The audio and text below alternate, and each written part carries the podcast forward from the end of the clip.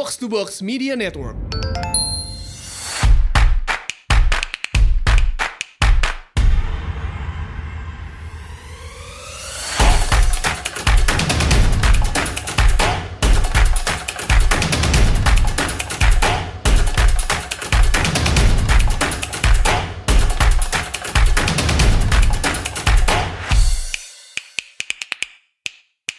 Selamat datang di Asumsi Bersuara. Sebelum kita mulai, uh, banyak nih yang suka nanya gitu, asumsi bersuara tuh bikinnya gimana sih? Pakai alat apa sih? Atau kayak masukinnya ke mana sih? Gimana caranya sih bisa muncul di banyak uh, pemutar podcast gitu kan?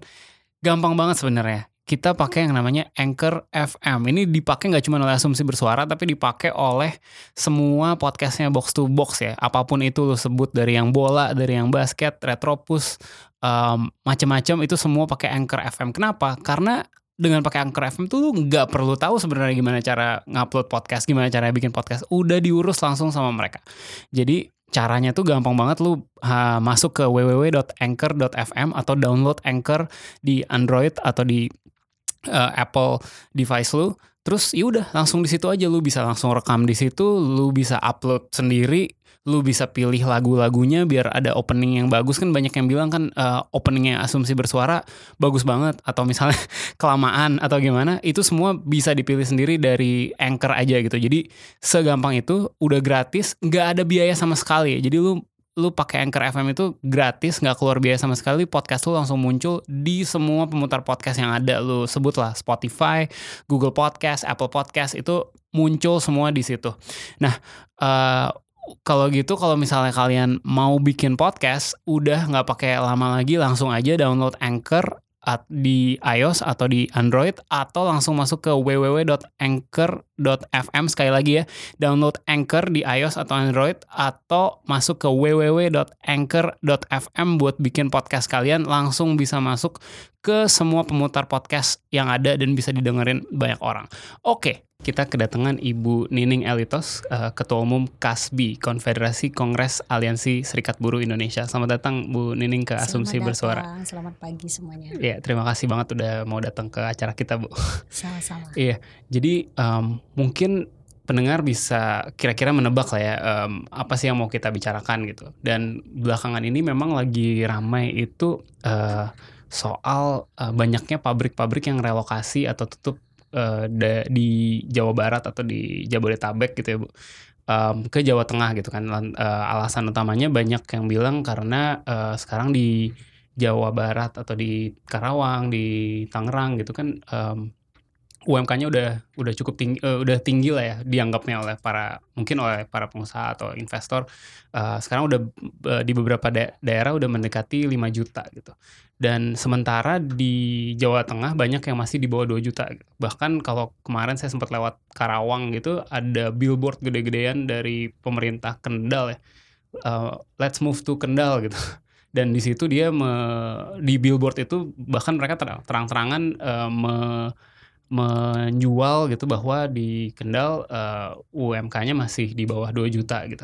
Dan ini uh, apa namanya katanya ini kan alasannya kenapa banyak pabrik uh, pindah gitu. San. Saya pengen dengar dari perspektifnya uh, serikat pekerja gitu dari perspektifnya uh, apa Kasbi mungkin uh, seperti apa menanggapi uh, fenomena ini gitu. Iya, uh, pertama kita harus melihat uh, filosofi kehidupan kemanusiaan. Hmm. Uh, tentu adalah bicara tentang persoalan uh, bagaimana rakyat harus memang uh, selain memiliki pekerjaan, dia harus mendapatkan penghidupan yang layak kan Yeah. gitu. Yeah. Nah, pekerjaan dan penghidupan yang layak ini seperti apa? Tentu harus ada peran negara melalui pemerintah uh, ketika uh, bagaimana eh, apa ya sumber daya manusia dan kemudian sumber daya alam ini memang dikedepankan untuk kepentingan kemanusiaan yaitu tentang persoalan kepentingan bangsa yang lebih luas ya. Artinya eh, memang menjadi eh, hak yang melekat yang mendasar terhadap kemanusiaan yaitu adalah bagaimana hidup layak kan gitu Yeah, yeah. Nah, ketika mereka eh, bekerja, ya memang harus menjadi ada tanggung jawab antara eh, pengusaha dan termasuk ke pemerintah, ya harus memang memberikan perlindungan kesejahteraan terhadap rakyatnya. Nah, itu yang harus di ingatkan dulu eh, apa ya konsepsi dasar kenapa misalkan hari ini eh, rakyat yang mayoritas menjadi buruh ya memang untuk memperjuangkan bagaimana kesejahteraan. Kesejahteraan ini seperti apa?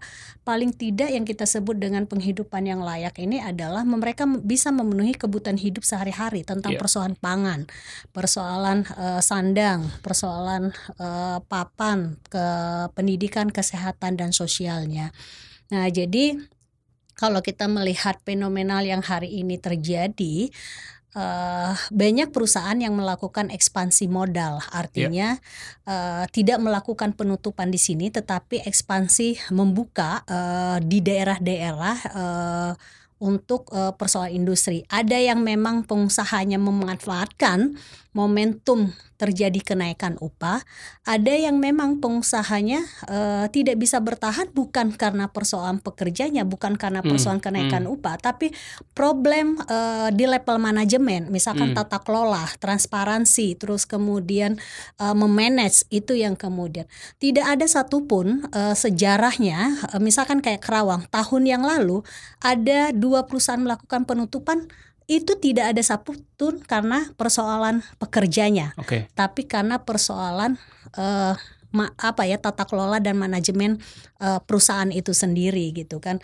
Arti eh, jadi kalau hari ini ada beberapa perusahaan yang kemudian memang melakukan pemindahan ke daerah-daerah Hmm. ya tentang persoalan di mana upahnya lebih rendah Artinya kita melihat eh, pengusaha tidak boleh kemudian hanya memikirkan kepentingannya sendiri. Artinya ketika dia banyak menggunakan tenaga manusia, maka bagaimana manusia sebagai pekerjanya juga layaknya dimanusiakan Iya. kan kayak gitu.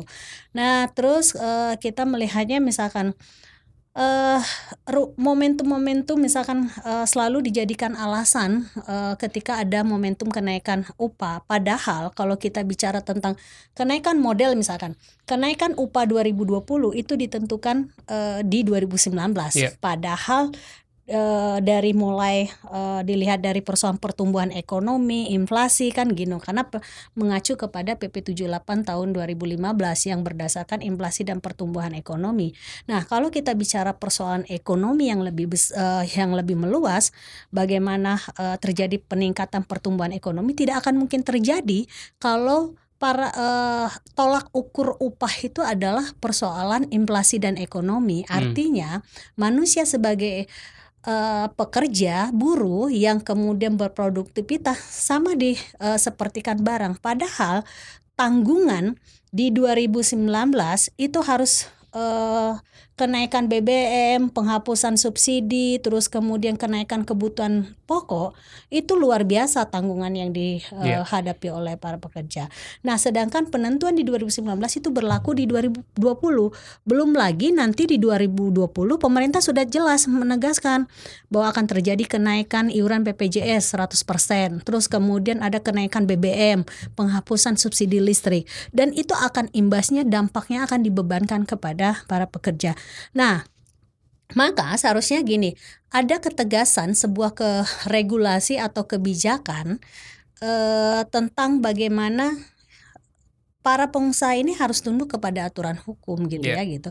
Terus kedua, eh, memang para pengusaha seharusnya eh, tidak menja apa ya eh, dalam momentum ini selalu ada para pengusaha ap- asosiasi pengusaha Apindo saja pada eh, tahun berapa saya pernah menjadi eh, bersama-sama jadi wawancara gitu ya di TV One waktu itu menyampaikan kami mengakui lebih dari 60% pengusaha di Indonesia itu nakal dan Hmm. tidak patuh terhadap aturan hukum.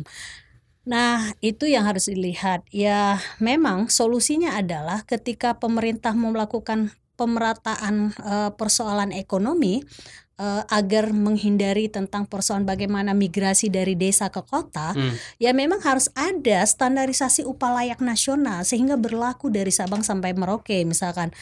Eh, padahal kalau kita lihat kebutuhan hidup Jawa Tengah di eh, daerah Jabotabek kan eh, tidak berbeda kan kayak gitu. Nah itu seharusnya ada jalan keluar bagaimana tentang agar menghindari para pengusaha yang kemudian eh, apa ya menjadi alasan untuk eh, seolah uh, ke daerah ini potensi sumber uh, daya Oke. manusianya besar kan Oke. kayak gitu, tetapi men- eh, meninggalkan tanggung jawab yang Oke, ini ada dua, ada dua poin menarik nih. Yang pertama dari eh, me- ap- pertama apakah menurut Ibu berarti eh, perpindahan 140 eh, kan ada beritanya kemarin yang santer adalah 140 pabrik pindah ke Jawa Tengah itu tidak terkait dengan tidak banyak yang terkait dengan eh, disparitas UMK yang jauh yang jauh antara antara yang ada di Jawa Barat sekarang dengan yang di Jawa Tengah.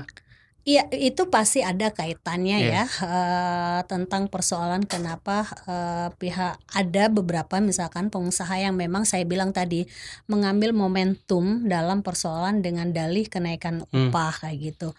Nah, eh, tapi problemnya adalah eh, problem yang saya maksud adalah ketika ini eh, selalu setiap tahun digunakan oleh para eh, pengusaha yang kemudian tidak mau patuh terhadap persoalan tadi, maka saya dorong tadi kan eh, solusinya adalah harus ada pemerataan UMK persoalan ekonomi yaitu upah layak nasional. Oke. Nah, standarisasi upah layak nasional itu bisa kita diskusikan secara bersama-sama melibatkan semua stakeholder, baik itu serikat buruh tanpa diskriminatif, termasuk terhadap eh, kaum pengusaha dan eh, pemerintah kan itu. Iya, em, karena kan yang yang menjadi concern kalau soal upah minimum nasional gitu kan adalah ya biaya hidup di da- beda-beda daerah kan beda-beda gitu. Mungkin tadi Ibu sempat se, se- apa sentuh juga di Jawa Tengah sama di Jakarta apa apakah terlalu beda sampai eh, UMR-nya bisa jauh banget. Tapi kan kayaknya banyak daerah lain yang juga em, kalau kal- eh, yang bisa jadi up-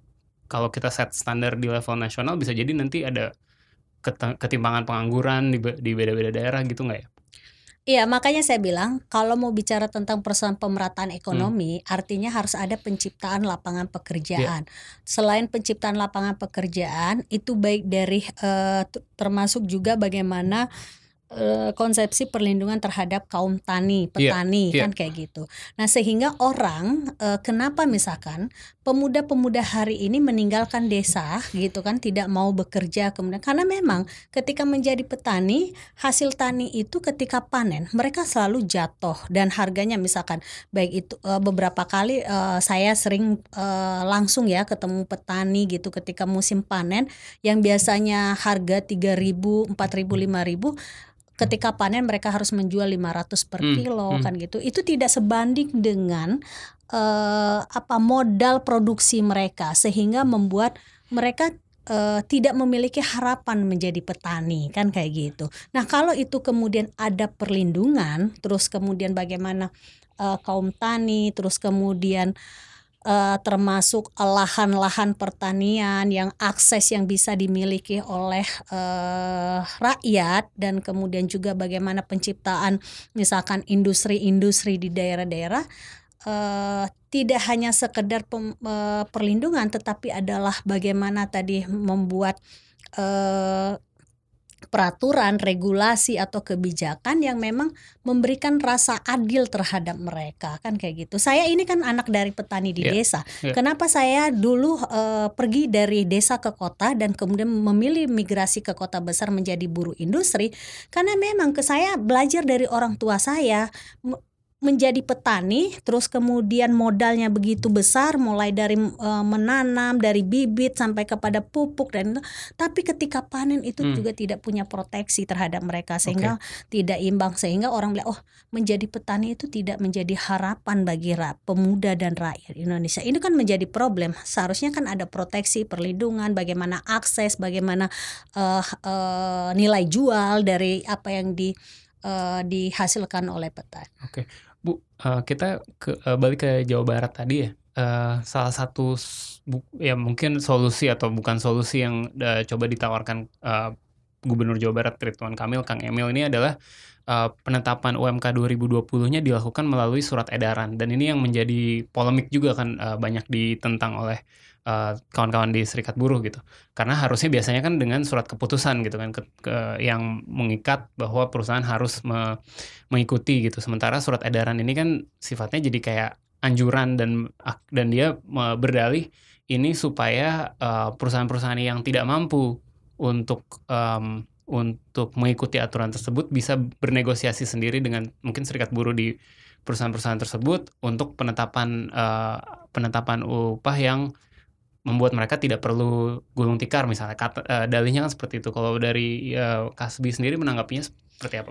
Iya, kita sangat uh, tegas uh, menyampaikan sikap kita uh, tentang uh, surat edaran uh, gubernur, hmm. yaitu tentang kalau kita bicara hierarki hukum gitu ya uh, pertama itu kan dari undang-undang, dari undang-undang terus kemudian bisa dibawanya itu nanti regulasinya itu kebijakan, bentuk kebijakannya itu bisa permenaker, bisa uh, peraturan pemerintah, terus bisa SK kan yeah. kayak gitu.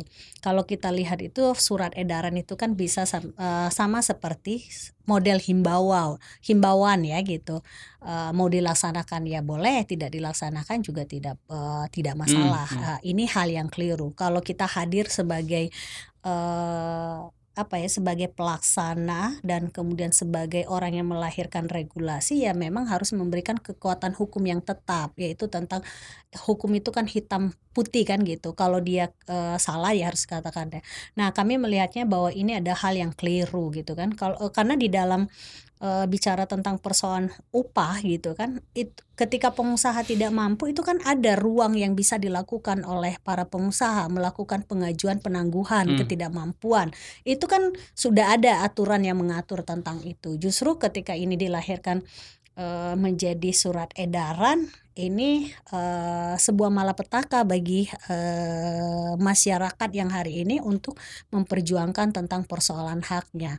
Nah, kalau kita bicara bahwa itu harus dikembalikan dirundingkan kepada uh, kedua belah pihak antara serikat bu, uh, buruh ataupun misalkan bagi yang perusahaannya sudah punya serikat buruh ya uh, bisa melakukan perundingan terhadap uh, perusahaannya kan gitu. Bagaimana dengan uh, banyak yang hari ini adalah tidak ada serikat buruhnya. Hmm. Nah, sedangkan posisi hari ini adalah terjadi ketimpangan antara relasi kuasa yang punya kuasa dengan tidak kan gitu. Mana mungkin uh, kalau uh, negara melepaskan tanggung jawabnya dan kemudian menyerahkan bahwa itu terjadi pertarungan antara pengusaha dan uh, buruh kan gitu. Sedangkan posisi dari hal uh, pandangan uh, mata dan kemudian sampai uh, kondisi objektif ini kan uh, berbeda gitu loh. Nah, uh, tidak seimbang ini yang kemudian harus menjadi perhatian serius oleh uh, pihak pemerintah uh, pemerintah gitu. Pemerintah tidak boleh lepas tanggung jawab. Hadirnya pemerintah itu kan untuk bagaimana memberikan perlindungan bagi orang-orang yang kemudian akan menjadi uh, orang yang lemah atau yang menjadi ruang-ruang uh, korban yang kemudian uh, terjadi kan gitu. Nah, itu terus kemudian Uh, secara konfederasi organisasi Kasbi tidak bersepakat sebenarnya dilakukan oleh uh, bahwa negara tidak punya uh, tentang uh, payung hukumnya tetapi menyerahkan kepada buruh dan serikat buruh. Uh, kita bisa lihat misalkan Konfederasi Kasbi saya adalah berangkat dari buruh pabrik tapi ketika uh, mau melakukan uh, komunikasi tentang pelanggaran, tentang apa yang menjadi hak buruh itu tidak mudah hmm. gitu kan hmm. gitu. Hmm. Dan itu butuh perjuangan yang uh, besar dan kemudian butuh energi yang besar untuk memastikan bagaimana mereka mendapatkan haknya. Uh, historis di negara kita ini tidak uh, apa ya, sangat minim uh, kesadaran para pemodal gitu ke bagaimana memberikan haknya begitu uh, ketika ada aturan hukum atau nilai lebih yang kemudian mereka mendapatkan keuntungan yang besar tanpa perjuangan itu hal yang masih sangat minim. Okay. Jadi uh, saya sih uh, masih uh, mendorong bahwa bagaimana peran pemerintah ini adalah bagaimana uh, peran yang memang memberikan rasa keadilan terhadap rakyatnya dan kemudian kalau misalkan sampai sekarang dilepaskan kepada buruh posisinya juga tidak imbang kan gitu. Yeah. Nah, itu yang membuat okay. uh, semakin berbahayanya uh, apa ya? ruang-ruang untuk mendapatkan apa yang menjadi haknya itu justru semakin lemah dan rendah. Oke, Bu, uh, saya sangat penasaran sebenarnya kalau kita balik lagi ke ke betapa ada ketimpangan UMK di Jawa Barat dan Jawa Tengah. Sebenarnya kok bisa terjadi seperti itu gitu? Kenapa bisa di di Jawa Tengah tuh uh, eh, UMK-nya jauh lebih rendah dari di Jawa Barat apakah um, mungkin serikat buruh di Jawa Barat lebih kuat uh, dalam bernegosiasi dengan pengusaha dan pemerintah atau memang di Jawa Tengah pemerintahnya lebih tidak peduli atau bagaimana Bu kalau dari Bu melihat? Iya, uh, sejarahnya kalau kita lihat kenapa sih uh, di daerah-daerah yang uh, sangat minim organisasi serikat buruhnya yang kemudian apalagi uh, pemerintahnya yang agak lemah memberikan perlindungan, maka kita bisa melihat posisi dari pengupahan sebenarnya di daerah-daerah yang masih minim. Padahal kalau misalkan saya makanya saya bilang saya sering ke Jawa Tengah gitu ya, keliling di wilayah Jawa Tengah sampai Ya kalau dilihat dari makan ya memang eh, 2000 2000 tapi kalau dibanding dengan eh, sekaligus misalkan kayak di Jakarta blok sekali kan itu sebenarnya sama kok. Bahkan termasuk lebih mahal di Jawa Tengah. Cuman karena hmm. mereka harganya di, diperkecil di, di mau nggak mau burunya kan menahan diri gitu kan gitu. 2000 4000 5000 tapi padahal kalau disamakan itu hampir sama gitu loh. Nah eh, itu terus kemudian saya melihatnya per pertama memang eh, daya perlindungan terhadap eh, masyarakatnya masih minim gitu kan artinya masih lemah. Kedua, memang eh, serikat buruhnya yang mayoritas hari eh, saya melihatnya masih ada posisi yang kemudian lemah kan gitu. Nah, inilah yang seharusnya kita mengharapkan kehadiran pemerintah itu adalah bagaimana memberikan perlindungan, rasa keadilan. Kan gitu. Rasa keadilannya seperti apa? Jangan kemudian kita menganggap para pekerja ini uh, seolah ini uh, malas gitu kan karena dia dianggap tidak punya keterampilan. Ya, saya sebenarnya saya ini adalah dari buruh garmen. Yeah. Jadi tahu persis gitu ya kalau tidak ada satupun buruh datang ke pabrik itu uh, hadir absen dan kemudian tidur sehari-hari. Yeah. Berbeda dengan misalkan para pekerja institusi negara yang kemudian mereka datang bisa baca koran, bersolek, terus kemudian ke mana, tetapi uh, kualitasnya masih lemah uh, rendah kan gitu. Tapi kalau buruh gitu, apalagi di sektor garmen yang mayoritas adalah uh, garmen tekstil gitu ya. Mereka punya keterampilan yang tinggi. Gak hmm. mungkin satu baju ini orang yang tidak punya keterampilan bisa uh, bekerja di sektor garment. Yeah. Artinya memang dari secara pendidikan dilihat rendah, tapi dari segi uh, kualitas dari keterampilan, keterampilan. Hmm. mereka jauh lebih rendah. Makanya saya bilang uh, orang selalu bilang bahwa di sektor garment itu kan pendidikannya rendah, jadi dianggap sumber daya manusianya rendah. Saya nggak bersepakat yeah. karena saya ini adalah berangkat dari pengalaman berkali-kali kerja di sektor garment itu yang orang yang punya keterampilan dan ke keahlian yang seharusnya mereka diberikan reward, diberikan uh, hal yang lebih kan gitu. Itu yang kemudian. Kedua adalah jangan selalu para pengusaha ini uh, menyalahkan bahwa uh, karena upah karena ya karena mereka sebenarnya kalau perusahaannya tidak memiliki keuntungan yang besar misalkan kita bisa contoh wing uh, wing group gitu ya uh, perusahaan holding yang kemudian semua di sektor uh, pangan hmm. uh, kebutuhan sehari-hari ini ada di hampir semua setiap daerah. Tetapi apakah dia terbuka transparansi memberikan apa yang kemudian nilai lebih dan ke berikan kepada buruh? Enggak kan gitu loh. Nah itu misalkan salah satu atau perusahaan-perusahaan yang besar yang lainnya. Yang masih sangat tragis adalah perusahaan-perusahaan BMN yang kemudian uh, di mana kita tahu perusahaan BUMN itu adalah diberikan untuk dikelola oleh negara uh, hasilnya adalah diberikan kepada uh, rakyatnya untuk akses dan kemudian kepentingan tapi apakah para pekerjanya itu memiliki kepastian kerja dan perlindungan yang yang pasti enggak Okay. anggota kami misalkan di Pertamina dan yang lain gitu. Nah itu bisa perbandingan okay. yang kemudian kita.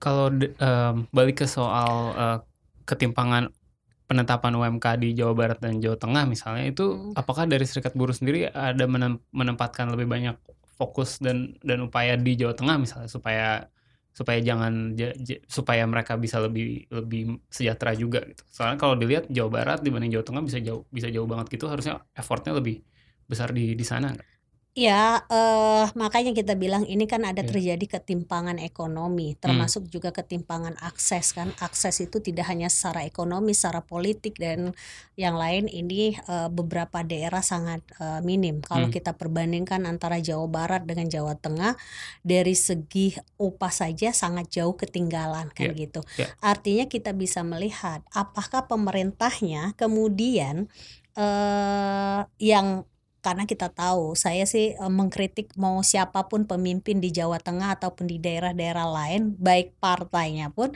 kita melihat ya memang harus, memberikan perlindungan terhadap rakyatnya. Ini konsekuensinya ketika pemerintahnya tidak serius, serikat buruhnya juga tidak serius, bagaimana memberikan, pembelaan terhadap para buruh dan pekerjanya, tentu itu adalah, kemudian akan memperburuk kondisi, eee, masyarakatnya. Jadi kita tidak akan, eee, bisa bicara pertumbuhan ekonomi karena pertumbuhan ekonomi itu kan berangkat dari, eee, daya konsumsi masyarakat. Nah, tidak mungkin akan terjadi peningkatan, eee, daya beli kalau upahnya semakin rendah, rakyat Iya. semakin mengikat pinggangnya. Ya, Bu, mmm, selain potensi, eee, misalnya yang tadi kan katanya, eee, banyak perusahaan yang gulung tikar atau relokasi yang mungkin katanya memanfaatkan isu ini gitu. Tapi, eee, nah, satu satu hal lain yang sebenarnya jarang dibicarakan adalah, mmm, ketika perusahaan misalnya mau memutuskan untuk ekspansi, dia mau buka pabrik pabrik baru atau misalnya ada perusahaan asing atau perusahaan baru mau mau buka usaha, dia kan akan lihat, eee, biaya usaha di beda-beda daerah gitu kan. Dia akan lihat kalau di Jawa Barat gimana, di Jawa Tengah gimana. Dan ketika dia melihat nih, oke ada ketimpangan yang jauh, eee, dan kalau di Jawa Tengah misalnya jauh lebih murah untuk buka usaha, dia akan buka pabrik di Jawa Jawa Tengah gitu kan. Jadi buk jadi kan satu satu hal lain adalah bukan hanya, eee, soal, mmm, orang-orang yang sudah menjadi, eee, buruh misalnya sudah kerja secara formal di satu, eee, company atau perusahaan, tapi juga bagaimana dengan, eee, misalnya mereka yang masih pengangguran atau mereka yang masih, mmm, bekerja di sektor informal untuk mereka mendapatkan kesempatan, eee, bisa kerja di pabrik atau di perusahaan yang formal kan tentu butuh lapangan usaha yang baru gitu kan. Dan dan kalau pabrik-pabriknya banyak bukanya justru di daerah-daerah yang, eee, misalnya tadi UM UMP-nya lebih rendah, eee, kesempatan kerja buat orang-orang yang belum masuk ke ke belum belum belum bekerja di daerah-daerah yang UMP-nya lebih tinggi kan jadi lebih jadi lebih sulit gitu. Kalau dari serikat buruh ada ada menanggapi ini gimana ya? Maksudnya, mmm, bagaimana dengan yang belum kerja gitu? Bagaimana dengan pengangguran atau baru lulus SMA, lulus kuliah misal? Iya, makanya sih kita bilang gini, eee, kita ini kan, eee, negara yang luas. Mmm. Baik, eee, baik secara, eee, sumber daya eee, luas daerahnya, sumber daya alam dan sumber daya manusianya melimpah kan gitu. Nah, eee, bagaimana memanfaatkan, eee, sumber daya ma eee, alam ini, eee, bisa dikelola oleh negara sendiri. Sangat disayangkan bahwa sumber daya alam dan kemudian negara masih menggantungkan, eee, investasi itu dari luar. Tetapi bagaimana membangun industri nasional yang dari hulu ke hilir itu, ya kemudian justru menjadi penting bagi kita. Eee, bagaimana industrialisasi nasional misalkan kayak gitu. Itu, ruang-ruang untuk, eee, bagaimana kemudian membuka potensi-potensi baru yang tadi saya bilang. Nah, jadi, eee, kalau kita bilang bahwa hari ini pengusaha akan membuk eee, melarikan diri atau istilahnya berinvestasi di mana, prinsipnya pengusaha itu kan mencari keuntungan yang sebesar-besarnya, di mana, eee eee, modal sekecil-kecilnya tapi, eee, mereka bisa mendapat keuntungan tapi mengekspansi modalnya di eee, di mana-mana. Justru inilah penting hadirnya negara membuat satu regulasi yang memang tidak hanya sekedar melahirkan regulasi, tetapi memastikan eksekusi dari aturan itu sendiri. Karena banyak misalkan di Undang-Undang Ketenagakerjaan kita tahu ada kelemahan di sana beberapa misalkan, eee, kelemahan yang sangat mendasar tentang sistem kerja alidayah, Mmm, kalau lebih iya, trennya misalkan outsourcing. outsourcing Iya. sehingga orang ke depan tidak memiliki punya kepastian kerja kan gitu. Orang yang akan bersaing dengan eh, lulusan-lulusan baru kan kayak gitu. Terus kemudian juga misalkan tentang pe- pekerja PKWT eh, waktu tertentu iya, ya waktu gitu tertentu, istilah iya. eh, buruh kontrak ya gitu. Nah, justru ini adalah eh, ruang yang paling sangat rentan baik itu persoalan perlakuan kesewenang-wenangan eh, terus kemudian perampasan eh, terhadap hak para pekerja. Yang saya maksud perampasan adalah gini Eh, ada aturan hukum yang mengatur buruh yang bekerja satu hari sampai 12 bulan itu dia mendapatkan UMK kan gitu. Upah minimum artinya upah minimum itu upah yang kemudian kalau istilah pemerintah ini adalah basic dasar kan Iya. gitu yang kemudian. Nah ini pun banyak terjadi buruh yang bekerja satu eh, satu hari sampai 15 tahun pun masih tetap mendapatkan UMK kan Iya. gitu. Nah, seharusnya kan ada ketegasan tentang di sana. Ini yang kemudian sering kali bahwa kebijakan ini hanya kemudian seperti eh, tontonan saja gitu lip service tetapi tidak ada memastikan penegakan hukum eksekusi dari pelaksanaan dari hal itu. Ini yang menjadi kritikan kita juga Hmm. terhadap pemerintah tentang persoalan pengawasan yang masih sangat lemah kan gitu. Nah, belum lagi kalau kita bicara tentang persoalan eh, bahwa tadi kan ada dua hal yang sangat eh, saya eh, kritisi dari berbagai macam eh, kebijakan pemerintah. Pemerintah bilang bahwa eh, problem tentang migrasi. Hmm. Nah, ketika ada pemerataan eh, baik itu akses ekonomi, persoalan pe- lapangan pekerjaan, baik di daerah-daerah dari Sabang sampai Merauke. Nah, ini juga mencari eh, sebenarnya meringankan beban dari pem- eh, pemerintah secara nasional sebenarnya. Nah, tadi saya bilang ada dua hal. Bagaimana juga memberikan proteksi terhadap kaum tani, para petani. Hmm. Itu kan sebenarnya kenapa orang-orang yang kemudian hari ini tidak tren ingin menjadi petani. Ini kan ada kekeliruan di sana. Maka sebenarnya jalannya kan harus dilihat di sana gitu loh. Nah, jangan kemudian menyalahkan ketika rakyat datang dari desa pelosok desa bermigrasi ke kota. Kenapa Anda tidak bekerja? Yo, kalau tidak ada memastikan perlindungan terhadap akses ekonomi, perlindungan, pendidikan mereka bagaimana mereka mau ini?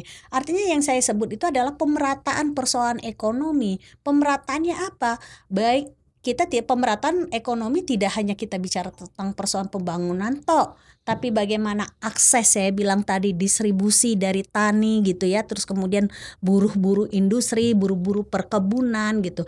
Jangan kemudian eh, kita justru eh mengamini apa yang kemudian eh, dikehendaki eh, kelompok mino- kelompok minoritas yang Oke. saya sebut adalah pengusaha yang minim tetapi banyak mengorbankan kemanusiaan dan sumber daya alam. Oke, Eh, Bu, tadi menarik soal yang Ibu bilang banyak perusahaan yang mencoba me- em, beralih dengan menggunakan alidaya misalnya atau atau dengan eh, PKWT yang lebih lama dari seharusnya segala macam.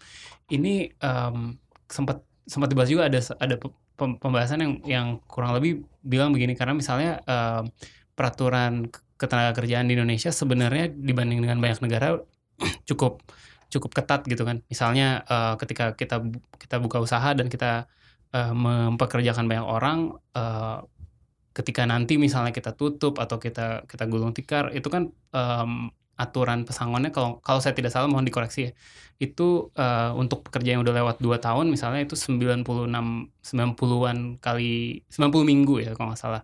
Upah 90 minggu atau atau hampir 2 tahun lah hampir 2 tahun upah untuk pesangon gitu. Kalau misalnya terjadi PHK atau kalau misalnya em, eh, perusahaannya tutup gitu. Maka perusahaan berpikir resikonya besar nih. Kalau misalnya saya mempekerjakan orang sebagai karyawan permanen gitu maka dia mungkin me- dalam pertimbangan resikonya dia uh, memutuskan untuk alidaya atau memutuskan PKWT aja dulu dan dilanjutkan terus.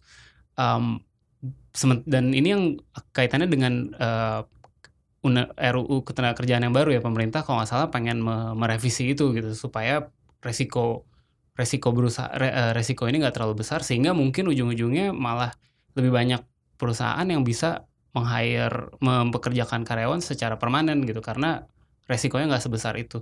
Kalau dari eh, apa dari eh, Kasbi misalnya ada ada menanggapi itu gimana? Karena di satu sisi tentu kita pengen uh, jaminan pesangon yang yang besar. Tapi di sisi lain itu bisa jadi justru membuat perusahaan uh, nggak uh, berani untuk mempekerjakan orang secara permanen gitu dan memilih jalan-jalan pintas tadi PKWT, alidaya dan sebagainya. Iya, uh, pertama gini, kalau kita lihat situasi kondisi objektif hari ini adalah memang uh, banyak perusahaan menggunakan pekerja uh, alidaya hmm. atau hmm. uh, kontrak itu adalah bentuk uh, sebuah lari dari tanggung iya, jawab yeah. untuk hmm. uh, melepaskan bagaimana uh, tidak memberikan uh, tanggung jawabnya terhadap pekerja. Nah tadi kalau kita uh, tadi disampaikan bahwa ada perbandingan negara uh, luar yeah. dibanding dengan di Indonesia, kalau kita bicara tentang persoalan perbandingan secara upah gitu ya uh, kita masih sangat minim. Kalau kita bandingkan dengan negara-negara luar misalkan kayak Eropa dan beberapa Asia gitu ya uh, tentang persoalan upah, mereka uh, itu dihitungnya per jam. Jadi misalkan kayak beberapa negara misalkan satu jam ada yang uh, 50 dolar sampai deh. Jadi kalau dia bekerja 4 jam sampai 8 jam itu uh, bisa dikalikan saja misalkan gitu. Tapi kalau di Indonesia satu hari itu bisa uh, misalkan UMK-nya ini kan 4,2 dibagikan saja 25 hari atau 26 yeah. hari kan gitu. Itu hanya berapa. Nah, jadi uh, kalau di negara beberapa negara maju dan kemudian misalkan saya Eropa dan Asia itu tadi uh, upah mereka bisa misalkan uh, bukan misal mereka bisa membagi pertama untuk uh, persoalan pangan mereka sehari-hari hmm. terus kemudian mereka bisa menabung untuk tentang hal dari pengupahan mereka mereka bisa uh, akses tentang persoalan pendidikan kesehatan perumahan mereka ditanggung misalkan transportasi yang murah dan kemudian difasilitasi oleh pihak uh, perusahaan atau bekerja sama negara itu ada. Nah, tapi kalau kita upah UMK itu kan banyak menanggung semua hal. Yeah. Nah, jadi kalau dikatakan bahwa itu uh, jadi kalau misal, uh, kemudian hari ini para pekerjanya ada uh, istilah pesangon. Yeah. Sebenarnya kalau pesangon itu kan diukur dilihat dasar alasan PHK-nya. Hmm. Perusahaan tutup karena pilot, hmm. perusahaan tutup karena memang efisiensi atau misalkan kalau efisiensi memang uh, satu tahun dua kali upah. Artinya kalau upah kamu eh, empat juta dua ratus satu tahun masa kerjanya berarti empat uh, dua kali berarti delapan empat kan iya. delapan juta empat ratus jadi uh, nggak nggak nggak juga gitu kalau bahwa uh, dua tahun itu bisa sampai sekian uh, puluhan juta gitu karena memang kalau di tentang persoalan pesangon itu kan uh, uh, pesangon masa kerja dan uh, pergantian perumahan kan yeah. gitu. Pergantian perumahan itu 15% terus kemudian uh, tidak sampai lebih dari uh, 50 juta dalam uh, masa itu kan gitu. Nah, itu yang harus dilihat terus kemudian uh, negara memang uh, pemerintah kan konstitusi negara kita menjamin rakyat harus mendapatkan pekerjaan dan penghidupan yang layak. Yeah. Kalau rakyatnya disuruh bekerja tetapi tidak ada bagaimana mereka bisa untuk penghidupan mereka memberikan pendidikan terhadap uh, generasi mereka, bagaimana kita mau bicara tentang persoalan generasi ke depan yeah. gitu. Justru semakin uh, okay. liberal kan gitu dan yeah. kemudian semakin berbahaya. Makanya saya uh, berharap bahwa kaitan dengan persoalan kita tidak alergi terhadap revisi. Ya. Tapi revisi itu bukan hanya semata ketika dibicarakan versinya pengusaha dan pemerintah gitu loh. Ya. Nah, kalaupun kema kemarin misalkan terjadi gejolak bagaimana orang menolak uh, revisi karena memang ada uh, analisis yang dikeluarkan oleh Menkumham yang kemudian di dalam itu tegas kok untuk menunjukkan apa hak saja yang bisa dikurangi. Kecuali negara bisa menjamin misalkan upah layak itu orang bisa memenuhi persoalan pangan, papan, sandang, pendidikan, kesehatan, sosial. Orang mungkin tidak okay. uh, butuh tentang persoalan. Tapi kan persoalannya hari ini adalah kita dalam uh, kondisi titik rendah kan gitu. Oke, okay, oke. Okay. Uh, mungkin terakhir dari saya sebelum kita ke pertanyaan uh, warganet nih Bu uh, Mbak Nining, Bu Nining ini kan juga uh, sangat giat memperjuangkan hak buruh perempuan gitu kan. Salah satunya misalnya soal uh, cuti haid dan kelayakan tempat kerja untuk karyawati yang sedang haid gitu. Mungkin uh, uh, Bu Nining bisa ceritakan soal perjuangan terkait ini dan bagaimana bagaimana sih uh, komitmen atau atau nggak ada komitmennya pemerintah soal ini atau pengusaha soal soal ini boleh diceritakan nggak bu? Ya, uh, kalau kita mau bicara tentang majunya sebuah negara tentu adalah ada rasa keadilan semua bagi rakyat Indonesia tanpa diskriminatif. Yeah. Nah, uh, diakui sampai hari ini adalah diskriminatif dalam segala sektor terhadap perempuan itu masih sangat uh, terjadi dan terlihat gitu ya.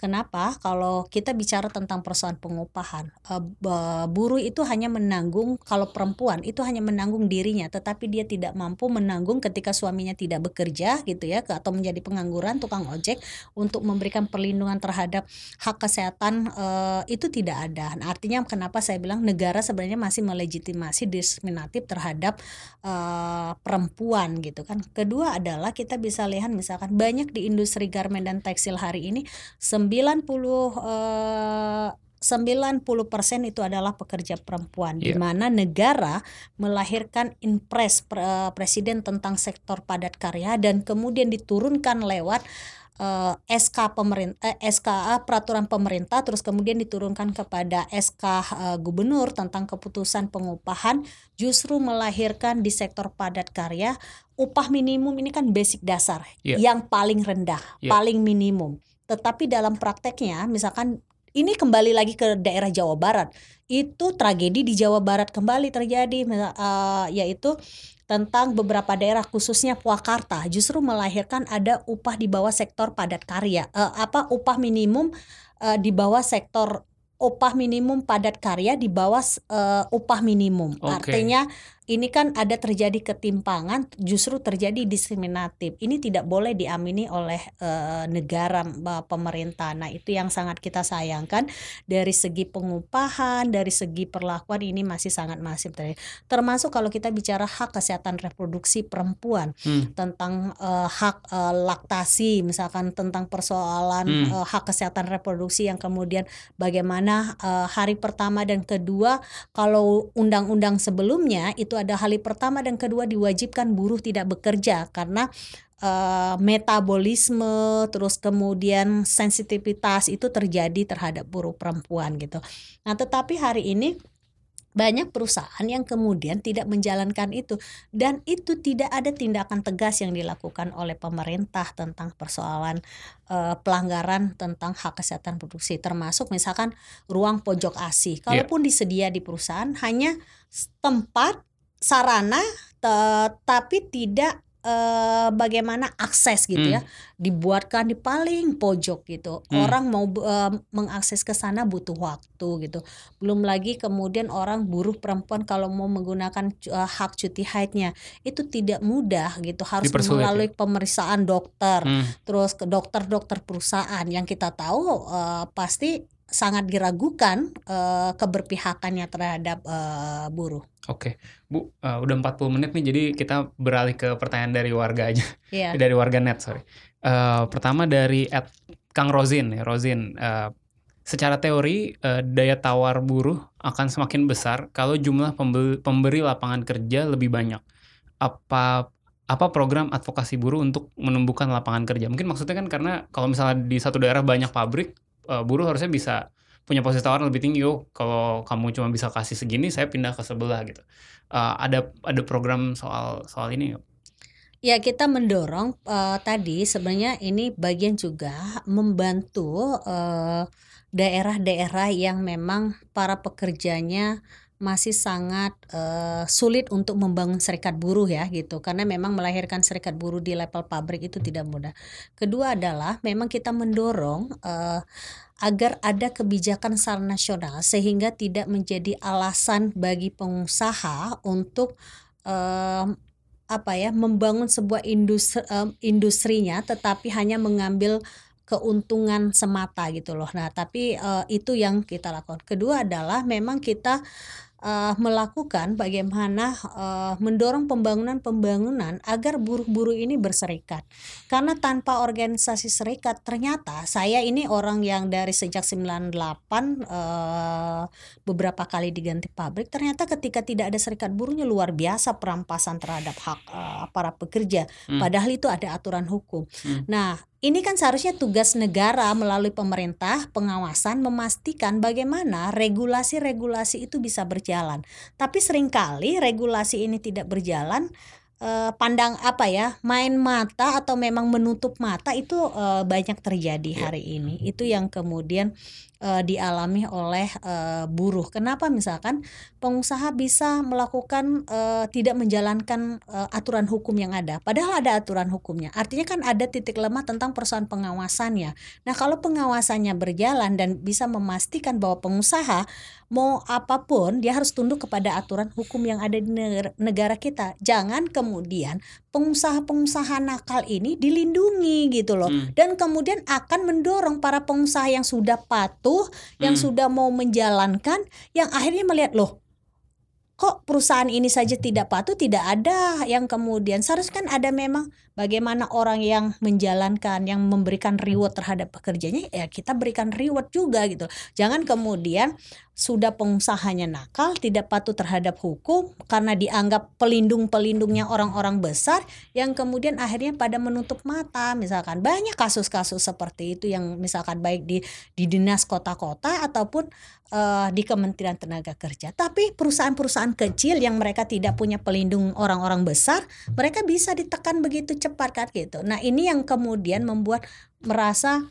ada yang tidak adil terhadap perlakuan. Perlakuan itu tidak boleh kita menga oh karena dia pengusaha besar ada pelindung sehingga kita membiarkan. Tapi pengusaha-pengusaha kecil yang kemudian mereka butuh proteksi juga itu jangan pula kita kemudian dijadikan sebagai ini yang kemudian sering kali dikritisi oleh para pemodal Ya. kan gitu. Nah, kita juga sebagai organisasi serikat buruh sebenarnya tidak ada satupun yang kita menghendaki bahwa tempat lapangan pekerjaan kita ingin membuat perusahaan bangkrut nggak ada. Tapi bagaimana keseimbangan, ketransparansi, keterbukaan perusahaan dan patuh terhadap aturan main juga itu harus kita eh, perjuangkan gitu karena tidak mungkin kita eh, lakukan hal-hal seperti yang kemudian di luar eh, kemampuan kita. Misalkan jangan sampai ada image kenapa sih buruh harus turun ke jalan? Loh kalau mereka mau terbuka transparansi pemerintah memberikan perlindungan ya. tidak mungkin ada masyarakat yang akan turun ke jalan.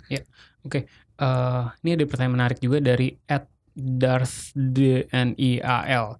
Pekerjaan mulai bergeser ke gig ekonomi masa macam supir ojek online atau taksi online, go clean dan lain-lain. Ah, ini ada adakah strategi dari dari serikat buruh untuk mengayomi mereka juga? Karena kan mereka kan sering dianggapnya mitra gitu kan, bukan karyawan dari perusahaan-perusahaan ini gitu. Kalau dari Kasbi ada ada eh, advokasi soal ini atau ada rencana soal ini gimana? Iya, kami eh, beberapa sudah memang berinteraksi, berkomunikasi dengan para pekerja dianggap pekerja sektor informal kan gitu, yang Hmm. mereka eh, tidak terlindungi persoalan aturan hukum, yang tidak punya ada eh, keterikata- keterikata- ah, keterikatan hukum gitu ya gitu. Nah, memang kita eh, melihat prihatin sebenarnya ada di sisi lain seolah terbuka lapangan pekerjaan, tetapi eh, bertaruh sendiri kan gitu. Iya. Nah, ini yang harus kemudian kita lihat bahwa mereka harus ada perlindungan hukumnya gitu. Agar mereka juga ke beberapa kali saya ngobrol dengan kayak model eh, pekerja-pekerja online ini mereka sebenarnya eh, banyak keluhan tentang bagaimana perlindungan bagaimana juga tentang persoalan eh, hukum mereka kan kan kayak gitu. Ini yang kemudian dikeluhkan. Tapi bagi kami adalah eh, apa pun pekerjaan masyarakat, baik itu di pabrik, di perkebunan, yang sistem tadi di eh, istilahnya eh driver gitu ya, Hmm. sopir-sopir baik itu ojek, eh, eh, mobil, ini memang eh, kita memang punya eh, pengorganisiran terhadap mereka gitu kan untuk bagaimana juga mereka di sisi lain eh, ada yang memang ada memang ada segi positif mereka eh, karena tidak adanya ketersediaan lapangan pekerjaan sere- sehingga mereka bekerja. Tapi eh, tidak semua juga para ojek online ini bertahan karena memang tadi eh, pendapatannya juga untuk menanggung bagi yang berkeluarga apalagi yang ngontrak gitu ya itu masih minim untuk memenuhi itu. Sehingga uh, sebagian memang ada yang masih tentang persoalan sampingan ketika dia sudah menjadi buruh setelah itu menjadi uh, buruh online gitu ojek yeah, online yeah. gitu ya gitu karena memang pendapatannya rendah dan untuk memenuhi kebutuhan artinya kan uh, terus kemudian di sisi lain karena memang tidak punya pekerjaan ya memang mereka menjadi uh, pekerjaan rutinitas yang dilakukan oleh mereka untuk mempertahankan bagaimana mereka bisa hidup. Nah, bagi kami adalah baik persoalan peng pengadvokasian, pengorganisiran, bagaimana mendorong perlindungan terhadap mereka, ya kami terus melakukan uh, hal itu gitu loh tidak hanya sekedar bahwa perlindungan itu mendorong ke ya mereka harus membangun organisasi gitu loh yeah. membangun organisasi serikat buruh yang memang itu uh, harus didiskusikan ke depan mereka uh, kepentingannya seperti apa. Kalau bicara perlindungan artinya harus ada regulasi uh, melindungi mereka. Oke. Okay. Bu ini menarik nih dari Ed Zulfian Ijul. Uh, bagaimana mereka bagaimana mereka biasanya menyuarakan aspirasi mereka? Dan tapi lebih penting adalah ini lembaga atau parpol atau politisi mana yang komit dengan nasib uh, buruh nih ada nggak? Saya atau sih ada bahkan? kalau bicara secara partai yeah. saya sangat sulit ya. Saya yeah. sudah cukup lama berge dalam uh, dari mulai dari buruh pabrik sampai menjadi uh, akhirnya menjadi aktif uh, di organisasi serikat buruh karena memang kalau bicara keputusan partai, keputusan praksi itu memang menjadi uh, problem hmm. di partai-partai politik kan gitu. Nah, kami melihat kalau individu personal gitu kan masih ada orang yang uh, ingin be, uh, memperjuangkan tapi juga kadang-kadang menjadi ya. kendala di dalam internal mereka kadang-kadang juga secara uh, praksi mereka kan kayak mungkin gitu. bisa disebut gitu biar uh, orang-orang tahu nih uh, siapa sih uh, pejuang pejuang untuk uh, buruh di yang sekarang ada mungkin di parlemen atau Iya saya uh, ini ya kalau menyebutkan uh, satu orang uh, kami di lapangan ya. pasir ini tapi okay. bagi kami adalah kritikan keras kami adalah bahwa wakil-wakil rakyat itu kan dipilih oleh rakyat seharusnya yeah. mengabdi kepada kepentingan rakyat termasuk juga uh, kekuasaan yang kemudian uh, mereka banyak uh, mengkampanyekan bagaimana memberikan perlindungan keberpihakan hmm. terhadap rakyatnya itu harus dibuktikan dalam realita yeah. kehidupan ya. sehari-hari yeah. jadi, jadi contoh gini kita sangat mengkritik keras misalkan tentang kenaikan iuran BPJS. Hmm. Sejak dari awal kita sudah menyampaikan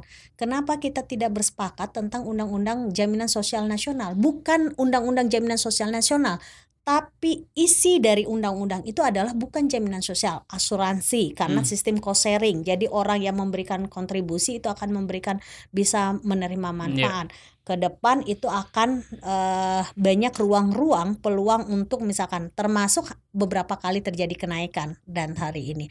Nah, itu adalah kita sangat menyambut baik pemerintah misalkan ingin membuat jaminan sosial. Yeah tapi kalau negara hanya hadir sebagai pengepul angga, anggaran-anggaran rakyat men, mensuplai itu bukan jaminan sosial tapi itu adalah asuransi yang kemudian negara hanya sebagai lembaga penyelenggara mengepul uang-uang rakyat kemudian mensuplai. Kan kayak gitu.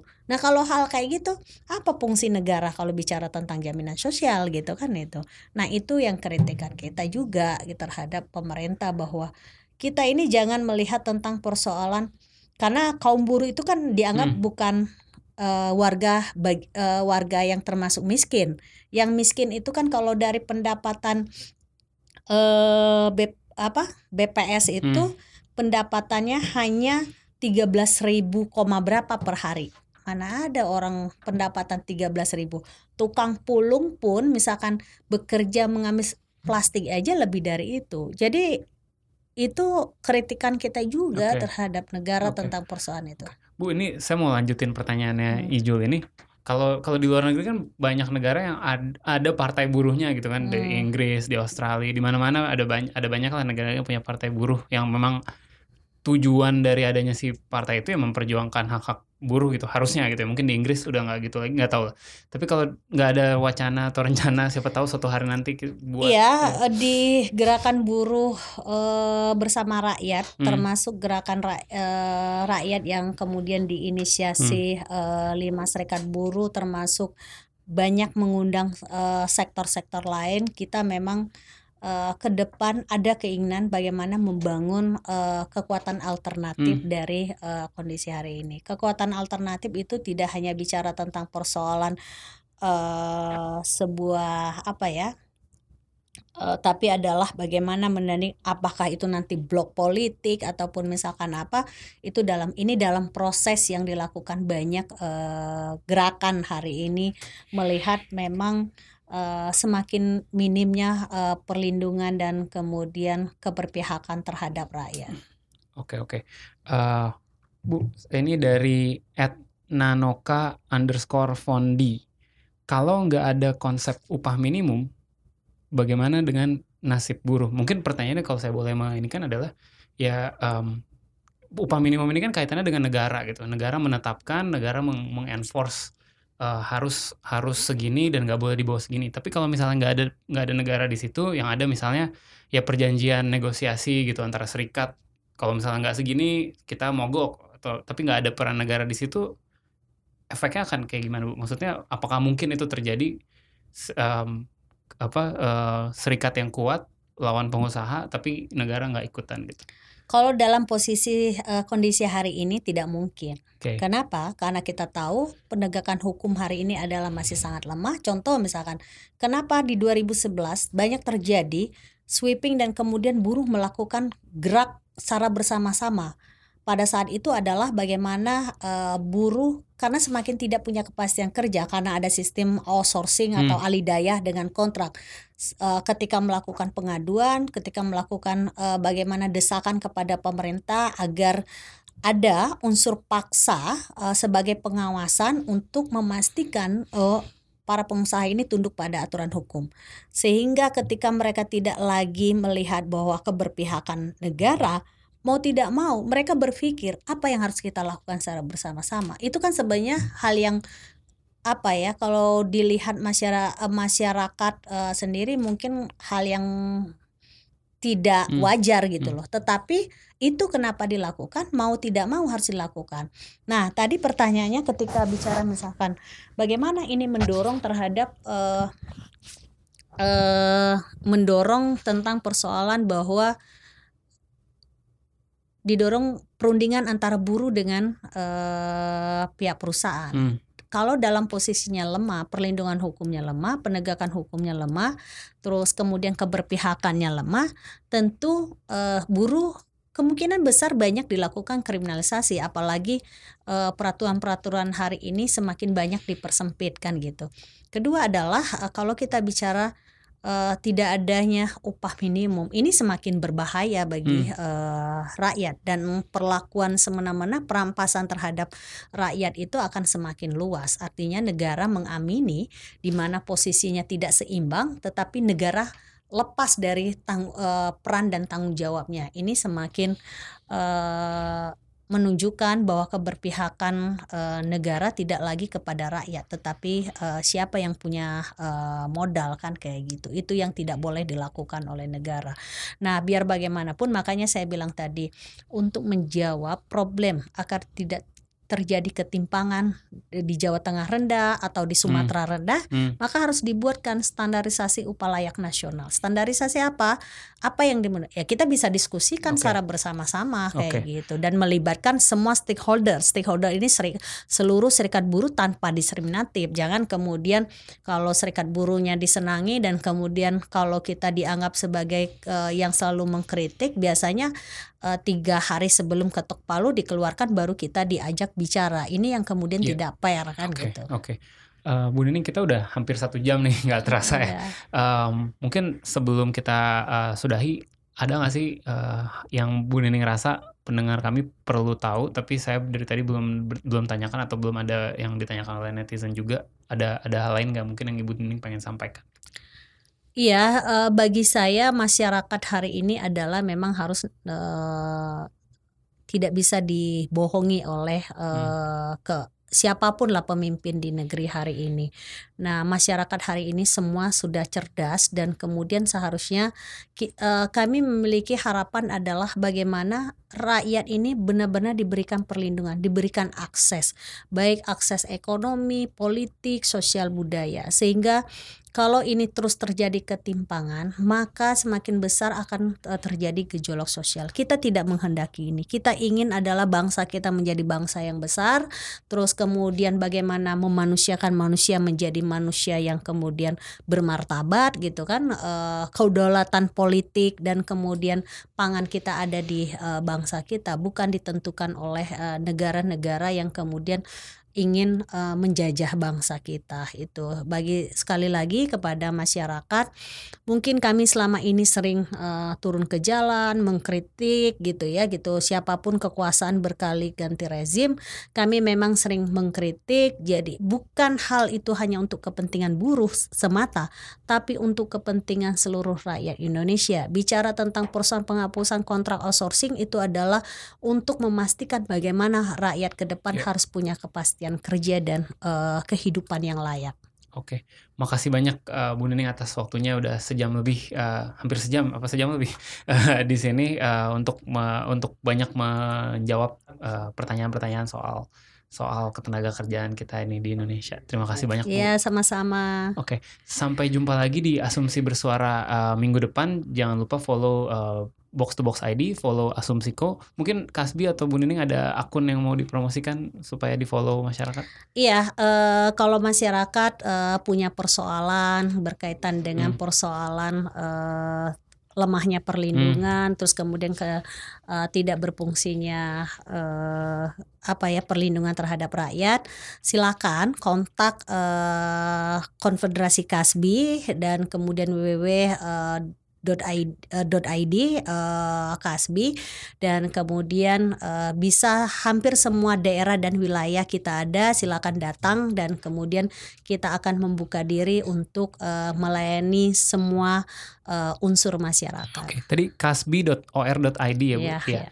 Oke, sampai jumpa lagi di uh, asumsi bersuara minggu depan. Ciao.